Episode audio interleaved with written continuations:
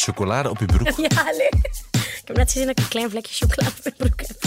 Maar kijk, eh, geen probleem, er zijn ergere dingen in de wereld. Misschien is dat hè. omdat we eclairs gegeten hebben tijdens de ochtendshow. Eh, nata, de- hoe heet dat? Pastilles de nata ook die nog. nata? Pannenkoeken Pannenkoeken. en Ah, chocolaatjes die ik nog over had van gisteren. Allemaal. En kijk, koffietruc was er ook wel. Oh my god. Maar dat heb je misschien niet meer gezien. Dit is de ochtendshow van Vlaanderen. Ik heb dat opgegeten. Dit is de ochtendshow van Vlaanderen in vijf minuten met Sam, Inge en Wim. Er is in ons land een dode gevallen door te vapen. Heftig nieuws. Hij had een e-sigaret gerookt met een, gerookt met een CBD-vulling. Dat is op basis van cannabis. Ik vroeg aan een toxicoloog aan de KU Leuven, Jan Tietgat, of we nu allemaal moeten stoppen met vapen omdat het levensgevaarlijk is. Ehm, we gaan dat natuurlijk niet eh, ja, promoten. Ehm, maar als je een deftig toestelletje, een deftig vape-apparaat of een deftige e-sigaret hebt en gecontroleerde concentraties, bijvoorbeeld nicotine, dan ja, zijn er wereldwijd ontelbare mensen die daar gebruik van maken en die ziek van worden. Dus hier is er een andere oorzaak. En we zien inderdaad vanuit Amerika dat er eigenlijk, ja, eh, ik zou zeggen, dommeriken effectief die CBD beginnen vapen, waar het niet voor bedoeld is. Ze hebben ook geen idee van wat erin zit.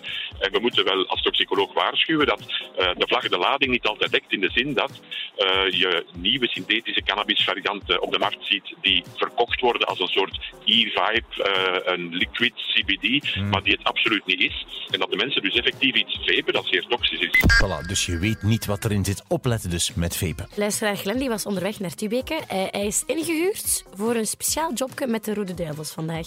Vandaag gaan we eigenlijk eh, opnames maken met de Rode Duivels eh, een leuke, leuke spot. Ehm, ja, ja, we gaan nu naar het trainingscentrum in Tubeke. We zijn bijna daar en dan eh, een dagje vol eh, spanning en fun. Eh, wat moet jij dan exact doen, Glenn? Klopt, ehm, in hoeverre in de context kan ik niet echt meegaan, maar ik ben wel eh, de tegenspeler. Dat is wel Sorry, crazy, hoe hè? cool is dat? Wie kan dat zeggen? Ja, gaan ze in een reclamespot Ja. voetballen Ja. tegen de Rode Duivels? Epic. Is heel erg. We blijven trouwens in het sportieve thema, want we hebben het vanmorgen ook gehad over ehm, de sportactiviteit van Wim Oosterlink. Dus Wim heeft uh, gepingpongd tegen, eh, wij dachten iemand van zijn niveau, namelijk de tienjarige luisteraar Arne.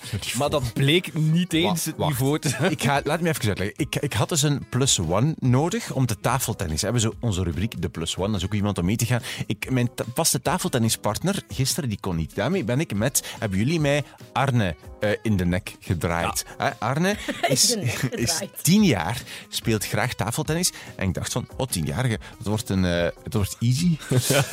easy. Eh, ik kwam samen met zijn ouders uit Maltegem naar Gent om tegen mij te spelen. Bleek dat hij dus eigenlijk gewoon elke week zo zes uur pingpongt of zo. Wat? En ja, oké, goed. Hij heeft mij afgemaakt. Ja. Oké, in het begin was het nog wat gelijk op. Ja. Maar laatst heb ik dan verloren met 11-3. Ja. Verloren. Het is niet echt je het laten doen, hè. Die is ook nog wat jonger, die heeft nog wat keihard- meer ik heb uithoudingsvermogen. Keihard mijn best gedaan. echt, ik heb keihard gespeeld, maar hij was zoveel beter. Ja, Maar echt waar. je kan het filmpje vinden op qmusic.be om die vernedering eh, op dat gezicht van eh, Wim zelf te lezen. Ja, eh, Inge zocht vandaag trouwens een plus one, hè? Ja, ik zocht een plus one voor de voorstelling van Isabel Beernaert. Laat me. Dus eh, zondagmiddag in Antwerpen is dat. Dit weekend is de première, dus zaterdag is de allereerste voorstelling. We hebben even gebeld met Isabel om zo wat toetsen hoe het gaat zijn.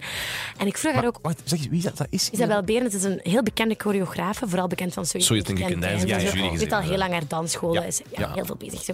Ik vroeg haar ook of ze een beetje zenuwachtig is. misschien. Ja, ik heb zenuwen. We hebben heel de week zitten we in montage, dus, dus iedere dag eh, hard werken om dus de, het volledige scenebeeld in, in, een, in, ja, in een mooi jasje te steken.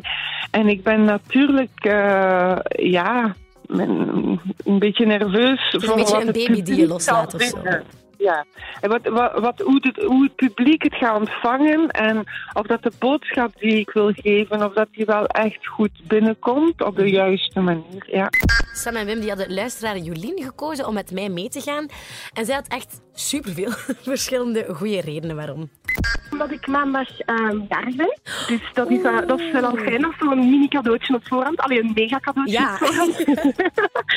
en ehm, ja, ook omdat ik eh, zondag niks te doen heb. En omdat ik het wel eens leuk vind om zonder de kindjes ehm, iets te doen voor Oh. mezelf. Dus dat vind ik wel ook eh, een, toch een belangrijke reden. Ehm, en ja, omdat ik er een toffe madame vind. Dat was de laatste reden. Oh, dat is. Maar ken, ken, je haar, ken je haar dan persoonlijk? Zijn jullie nog altijd aan het zoeken? Ja, het echt ambetant. Ik wou dus eh, uitleg geven over de workshop Marie Kondo in Mechelen vanavond, de opruimworkshop, maar ik, ik vind ben niet informatie. Ik vind de papiertjes nergens. Nu is het te laat, hè, want de podcast is ook gedaan. Stoem, Dit was de ochtendshow van Vlaanderen in vijf minuten met Sam dat ergens Inge. Morgen zijn we er terug.